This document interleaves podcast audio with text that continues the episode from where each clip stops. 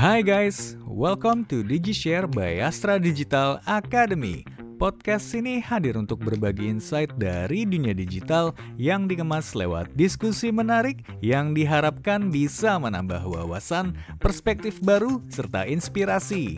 Di episode ke-33, kita bakal dengerin diskusi mengenai customer feedback, membangun produk dengan empati, bersama Muhammad Nadlir, konten editor Astra Digital, dan Dani Maimun, produk analis ID Astra Digital. Mereka berdua bakal ngobrol seputar customer feedback dan pentingnya empati dalam membangun sebuah produk yang baik buat konsumen. Nah, biar kamu nggak penasaran, langsung aja, let's hear them out.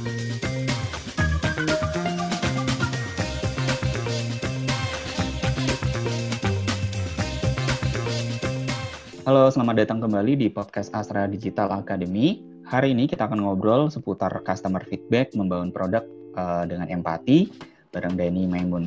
Halo, Dani. Halo, Mas kayak gitu. Nah, hari ini mungkin uh, gua awali dulu ya. Kenapa sih uh, punya customer yang banyak dan loyal itu menjadi sebuah impian bagi banyak produk ya. Tapi problemnya adalah untuk dapat itu nggak mudah. Bisa dibilang ya gampang-gampang susah Kemudian ada juga tuh faktor lucknya.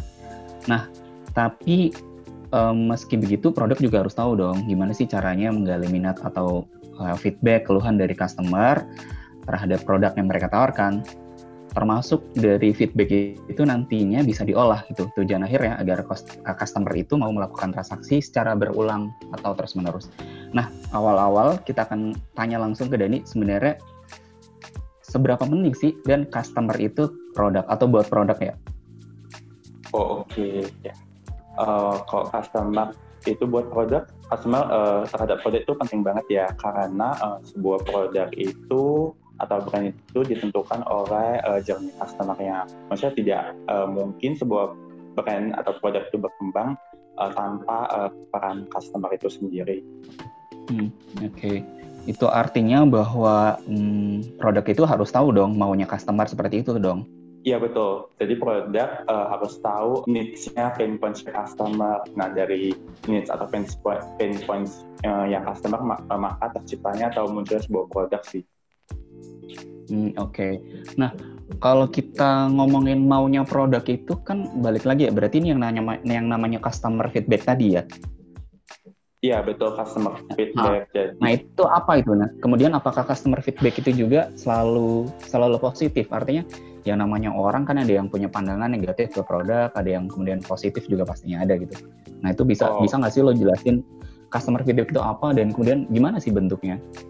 Oke, okay, uh, eh, customer feedback itu sebenarnya uh, semua atau segala informasi yang berkaitan dengan uh, pengalaman pengguna ya terhadap produk yang digunakan. Nah, feedback ini sebenarnya ber, bisa berasal dari berbagai bentuk atau sumber sih, dan uh, hmm. bisa mengenai apa aja lah terhadap uh, produk, barang atau jasa yang uh, digunakan. Bentuknya itu hmm. feedback tuh bisa positif ataupun negatif sih. Kalau hmm. uh, feedback positif itu biasanya dari uh, produk, buat ini ya uh, standarisasi uh, terhadap produk atau brandnya. Sedangkan kalau uh, feedback negatif itu biasanya uh, untuk melakukan uh, inovasi atau improvement.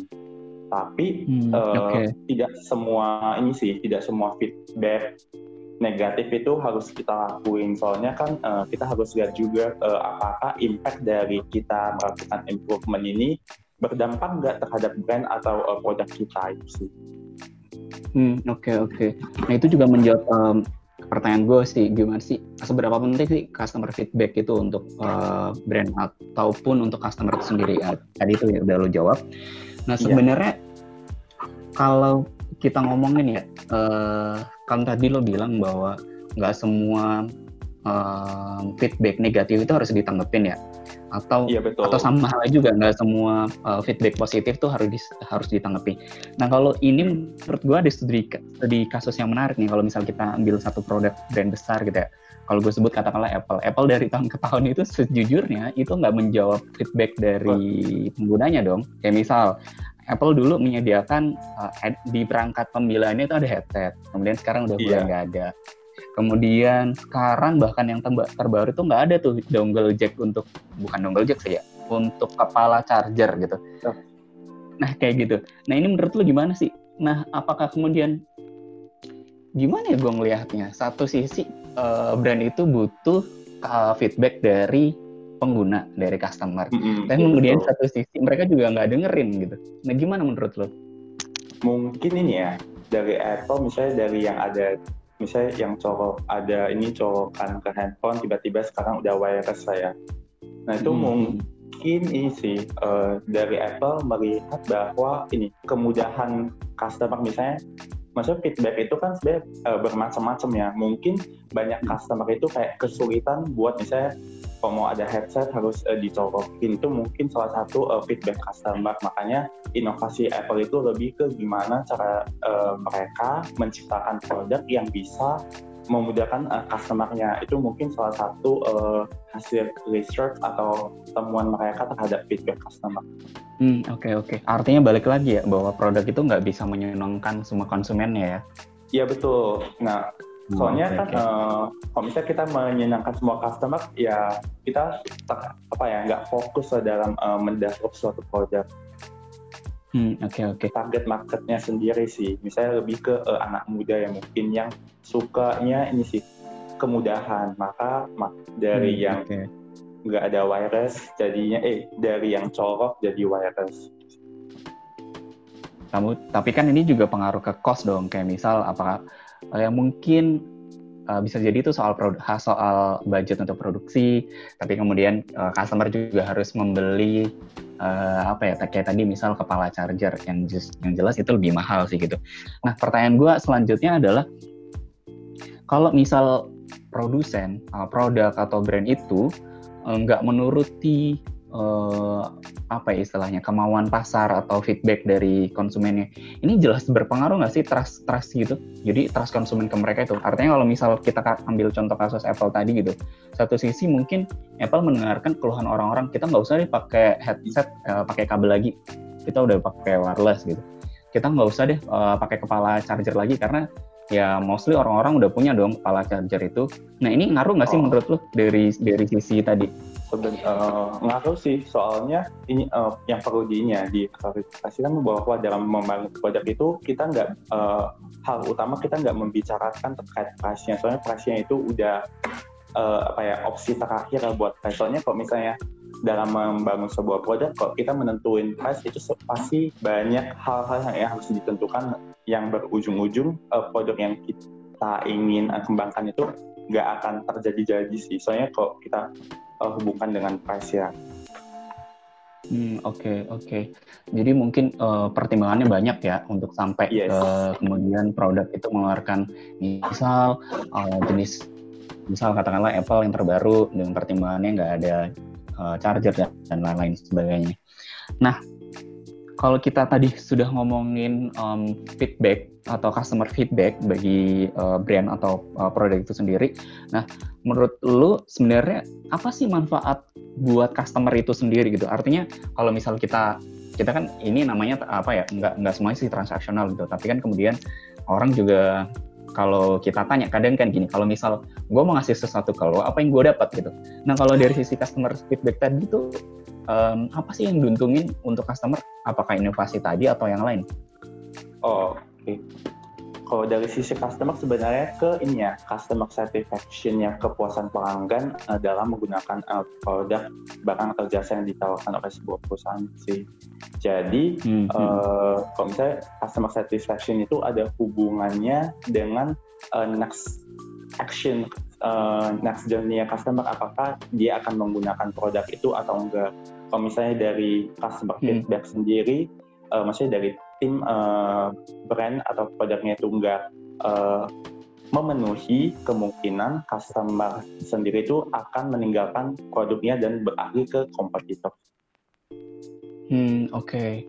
Oke, okay. artinya memang ini ada kaitannya erat ya. Jadi memang custom, customer harus aktif untuk uh, memberikan feedbacknya, kemudian dari produsen juga harus sama ya menggali sebenarnya apa sih yang dibutuhin oleh si konsumen seperti itu ya. Jadi ada ya, betul. ada simbiosis lah sama-sama lah ya. Ya simbiosis. Ya, Oke. Okay. Customer satisfaction itu uh, sebenarnya ada tiga karakteristik yang menurut kami model. Yang pertama itu basic, yang kedua itu performance, yang ketiga itu delight. Nah, basic ini sebenarnya kepuasan customer yang ketika terpenuhi dirasakan sebagai suatu yang hal yang wajar, tetapi menimbulkan ketidakpuasan ketika tidak terpenuhi. Nah, yang kedua itu kan hmm, performance. Okay. Performance itu sebenarnya kepuasan customer yang meningkat seiringnya peningkatan peningkatan pemenuhan kebutuhan tetapi tidak menimbulkan ketidakpuasan hmm. ketika yang paling penting itu basic sama performance sih. Hmm. Kalau misalnya basic udah terpenuhi, kita harus tingkatkan uh, ke performance. Kalau misalnya uh, performance-nya udah di, terpenuhi, mau gak mau uh, untuk menjadi misalnya kita pengen uh, mendunia, nah itu harus uh, ke tahap delight sih. Jadi delight itu hmm. tahap yang uh, paling tinggi lah. Itu maksudnya kayak brand dikenal bukan hanya di secara nasional tapi udah internasional misalnya kayak uh, Indomie Indomie kan uh, dari Indonesia tiba-tiba udah mendunia kan Hmm, oke okay, oke. Okay. Iya betul, okay, harus okay, dipenuhi. Okay. Tapi uh, kalau misalnya nggak mau sampai mendunia, ya setidaknya ada dua basic sama performance. Kalau performance, performance itu kan uh, biar uh, apa yang menjadi nilai tambah atau pembeda kita dengan kompetitor. Hmm, oke okay, oke okay, oke okay, oke menarik ya. Iya sih, kalau misal kita contohnya Indomie juga di Afrika tuh kalau nggak salah malah jadi makanan pokok ya. Hmm, oke okay, oke. Okay. Nah mungkin untuk ini untuk terakhir kali ya eh, pertanyaan dari gua kali ya ini cukup sudah cukup aware nggak sih produk-produk atau brand di Indonesia gitu dengan customer feedback gitu? Karena kan ya balik lagi gitu. Uh, kita tahu masyarakat kita kan cukup aktif gitu, cukup aktif menyampaikan berbagai pendapatnya, review produknya di sosial media, di marketplace yang tadi. Nah sebenarnya cukup aware nggak sih brand-brand kita untuk nanggepin itu atau produk-produk di Indonesia? Produk di Indonesia cukup aware sih soalnya akhir-akhir ini kan banyak misalnya kayak uh, pandemi ini banyak brand-brand itu shifting. Misalnya yang dari uh, awalnya offline sekarang kayak tawarin misalnya yang online ataupun uh, biasanya nggak pernah nggak memfasilitasi uh, buat take away semenjak pandemi uh, memfasilitasi buat misalnya baliknya take away nah itu cukup aware sih ya uh, dari pandangan gua. Hmm harus kayak gitu ya produknya? Ya harus harus bisa ini sih mengikuti perkembangan zaman lah. Jadi kalau misalnya uh, kan? customer behavior-nya kayak gimana, produk itu harus mengikuti. Kalau, mis kalau nggak mengikuti ya ujung-ujungnya antara produk itu bertahan atau enggak uh, mati sih. Oke, okay, nah mungkin um, sekian dulu podcast uh, episode kali ini ya. Uh, kita akan sambung di uh, episode berikutnya masih bersama gua Nadlir dan juga nanti eh, masih bareng Dani. Kita akan masih ngebahas seputar customer feedback, tapi nanti akan lebih detail gimana sih caranya, kemudian harus nggak sih itu dilakukan, uh, berapa sering dan sebagainya akan kita bahas di sesi berikutnya. Jadi jangan lupa untuk share podcast Astra Digital Academy ke teman-teman kamu.